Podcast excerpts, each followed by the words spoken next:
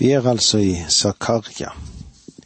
Vi er i det ellevte kapitlet, og vi leser sammen vers 13. Men Herren sa til meg, kast pengene til smelteren den herlige sum som de har verdsatt meg til. Og jeg tok de tretti sølvstykkene og kastet dem inn i Herrens hus, til smelteren. Hvordan er dette? Hvilken pris var det de betalte for Jesus? Det er jo underlig at vi kan lese om dette i Det gamle testamentet, og det er interessant at prisen for Kristus, den var 30 sølvpenger. Og prestene, de tok pengestykkene. De var fromme nok til ikke å bruke blodpengene til religiøse formål. Og så kjøpte de pottemakerens åker, som er en gravplass for de fattige. Den Herre Jesus har arbeidet på pottemakerens åker i lang tid, veldig lang tid. Han kjøpte den. Men han kjøpte ikke den for 30 sølvpenger. Nei, Jesus han betalte full pris. Langt mer enn noen pengesum kan dekke. Han kjøpte dette med sitt eget dyrebare blod. Han betalte prisen så han kunne kjøpe denne gamle verden der du og jeg lever. En verden full av knuste mennesker. Fysisk, mentalt, moralsk, åndelig. Den store pottemakeren, den Herre Jesus, tar den leirklumpen som var kastet, og så legger han den på livsforholdenes dreieskive, og så former han den til et ærens kar. Vi er leiren. Du og jeg, vi er leiren. Han er pottemakeren. Han er pottemakeren også i denne tid. Når han stort sett blir forkastet, arbeider han på pottemakerens åker. Vers 14 Så brøt jeg av den andre staven, forbund, for å bryte brorskapet mellom Juda og Israel. At han brøt den andre staven, antyder det fullstendige brudd i alt fellesskap mellom hyrden og Israel, hans. Dette indikerer ikke bare forholdet mellom Juda og Israel, men primært forholdet mellom Nordriket og Sydriket og deres Herre. Det er som Gud sier, da dere solgte meg, da dere overga meg i hedningenes hender for å bli korsfestet, da brøt jeg pakten med dere. Titus, romerne vil snart være her, og dere vil bli spredd, adspredd, over hele verden, over den hele jord. Deres Messias kom. Nasjonen fornektet ham, og det jødiske folk er fremdeles spredt over hele verden. Vi har nå sett på den gode hyrde, Kristus. Vi vil nå se hvordan det er med den uduelige hyrde, Antikrist.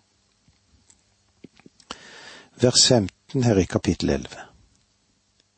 Herren sa til meg, utstyr deg igjen som en hyrde, en uduelig hyrde. Dette er, tror jeg da, enda en lignelse som Zakaria fremmet som, en, som et rollespill. Og igjen griper han altså til hyrdens verktøy. Vi leser vers 16. For se, jeg vil oppreise en hyrde i landet, en som ikke ser etter dem som går seg bort, ikke leter etter den, dem som går seg vill, ikke leger dem som er skadet, ikke sørger for mat til de friske, men spiser kjøttet av de fete dyr og river klovnene av dem. Zakaria presenterte en gode hyrde. Solgt for 30 sølvpenger. Overlevert til sine fiender. Deretter korsfestet på et romersk kors. Men det korset ble til et bronsealter der Guds lam ble ofret for å ta bort verdens synd. Han var den gode hyrde som ga sitt liv for fårene. Nå presenterer Zakaria den ugudelige eller den dårlige hyrde, som vil dukke opp langt, langt senere i historien. Det er et ganske langt tidsintervall mellom Kristi komme og Antikrist komme, som ikke berører Zakaria i det hele tatt. Han profeterer for den rest av Israel som hadde vendt tilbake til landet etter det babylonske fangenskap. Om du tror at han har menighetens tidsalder i tankene, så tar du feil. Denne ugudelige hyrde vil komme etter at Gud har sluttført sin målsetting med menigheten og igjen vende seg til Israel som en nasjon. Legg merke til hvordan Antikrist vil virke på israelsfolket. Han vil ikke se etter dem som går seg bort, ikke lete etter dem som går seg vill, ikke lege dem som er skadet, ikke sørge for mat til de friske, men spise kjøttet av de fete dyr og rive klovnene av dem. Han vil spre fårene og ta livet av dem for sine egne hensikters skyld. Hvilken kolossal kontrast til den gode hyrde, som ga sitt liv for fårene. Den Herre Jesus Kristus, han sa det slik, Jeg er kommet i min fars navn, og dere tar ikke imot meg.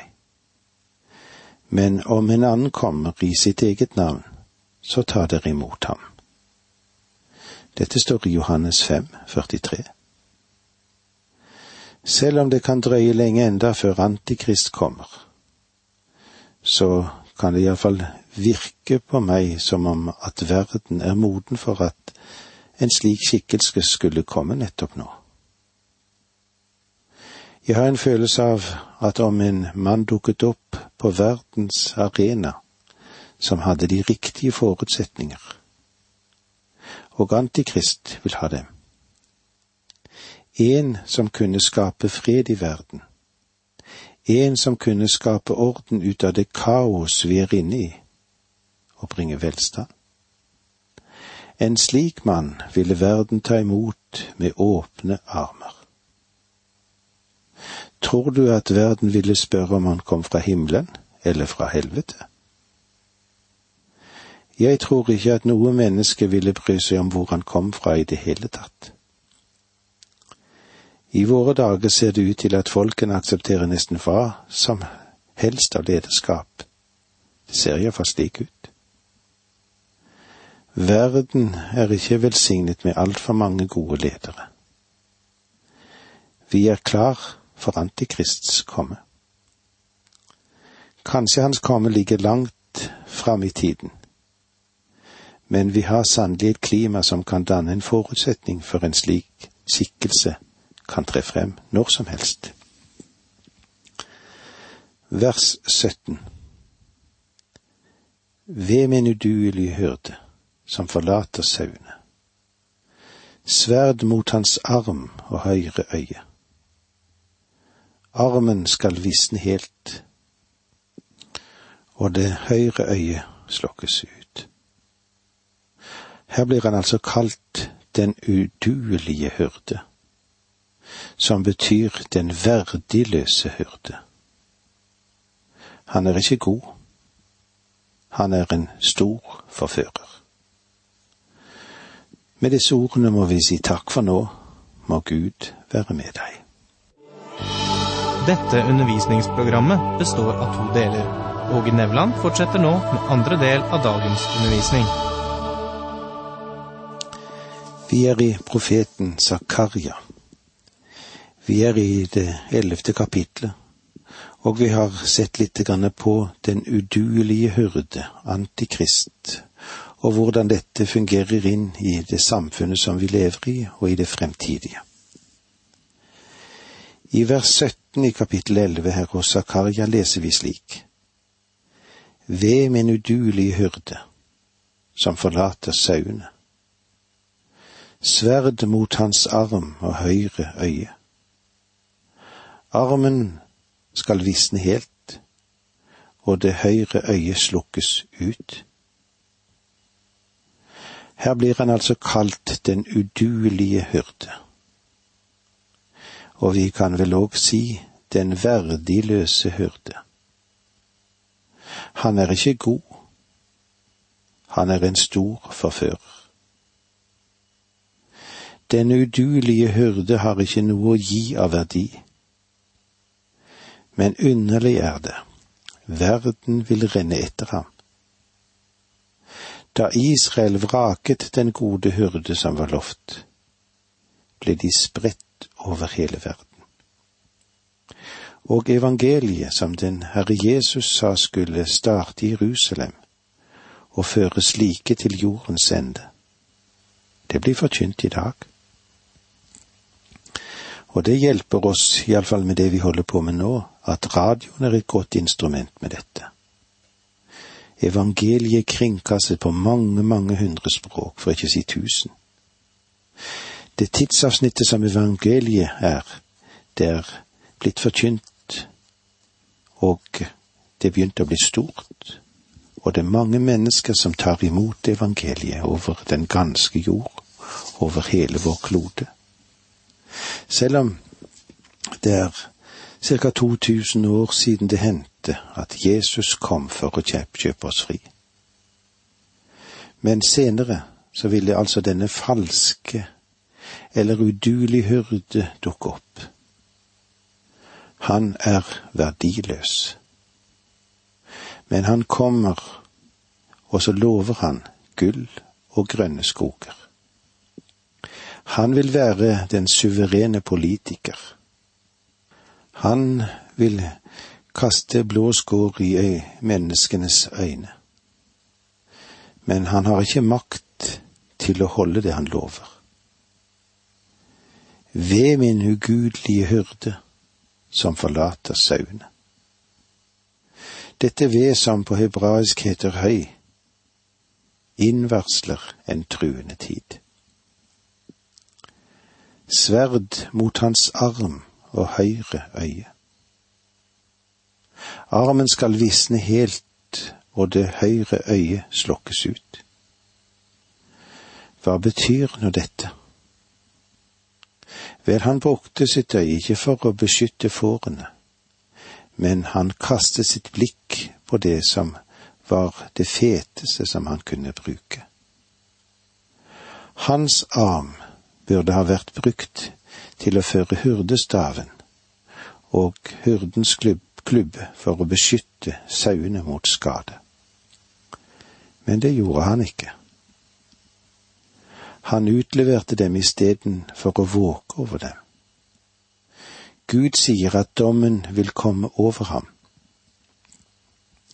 Hans øy, høyre øye skal bli blindet, og hans arm, som representerer kraften, skal bli forlammet.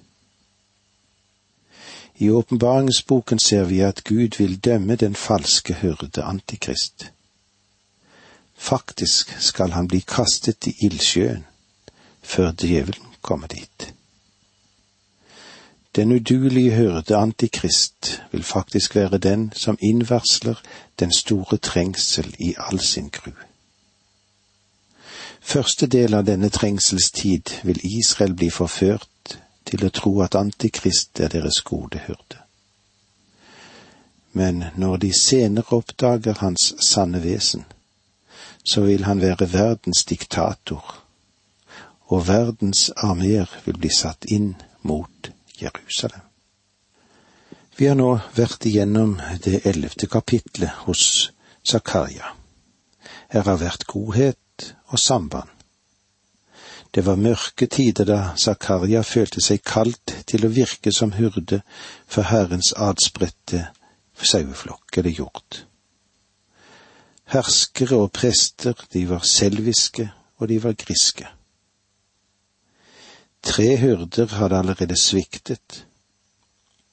Zakaria brøt snart staven godhet, som om Gud hadde trukket sin ømme kjærlighet bort da han utfordret folket til å verdsette tjenesten, veide de opp 30 sølvpenger til ham.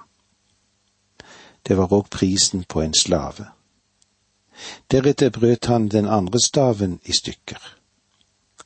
Dermed brast brorskapet mellom Juda og Israel.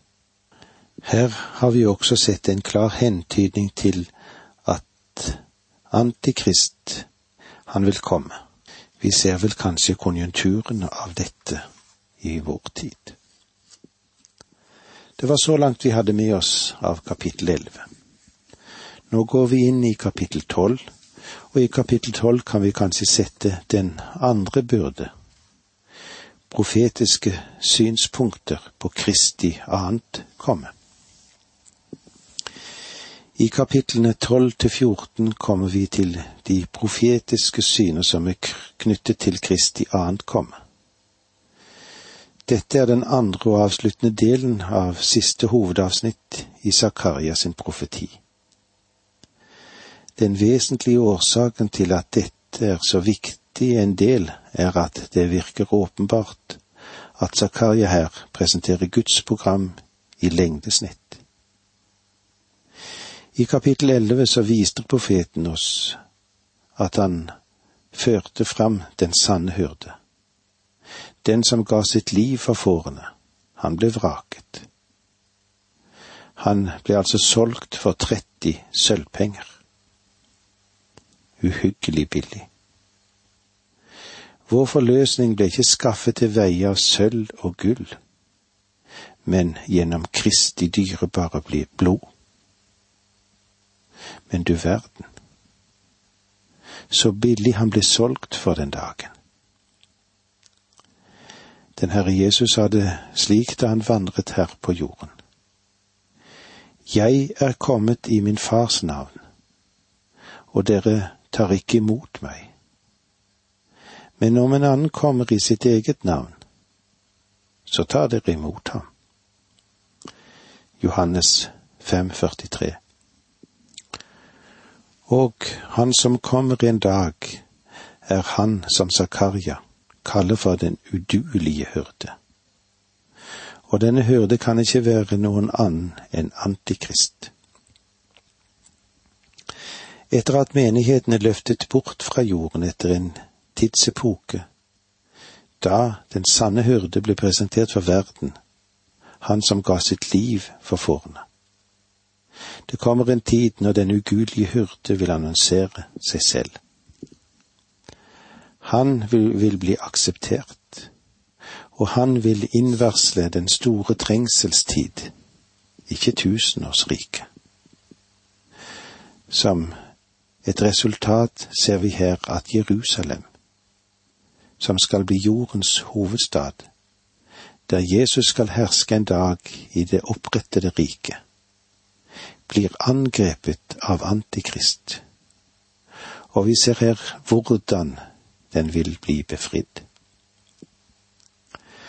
Den andre årsaken til denne delen av Skriften er så viktig, er at dette profetiske området nedprioriteres i dag av mange bibeltolkere.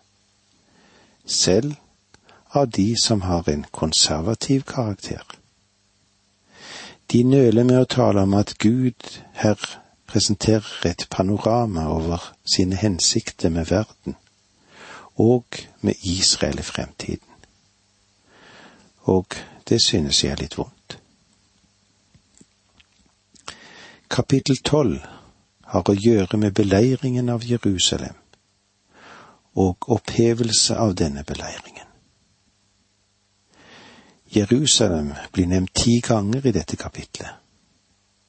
Og den dagen, den blir nevnt syv ganger. Disse to uttrykkene brukes igjen og igjen. Den dag henviser til Herrens dag, som begynner med den store trengselsperioden. Og så føres den over og går inn i tusenårsriket, som den Herre Jesus selv vil innvarsle når han kommer. Antikrist fører inn den store trengsel. Den Herre Jesus fører inn tusenårsriket. Og jeg vil at du skal merke deg disse to uttrykkene. Den dagen og Jerusalem. For de er selve temaet i dette kapitlet. Og det er altså de tingene som vi vil komme inn på etter hvert som vi går frem når vi møtes igjen neste gang. Det var så langt vi kom i dag, men husk disse to uttrykkene. Den dagen og Jerusalem. Takk for nå, må Gud være med deg.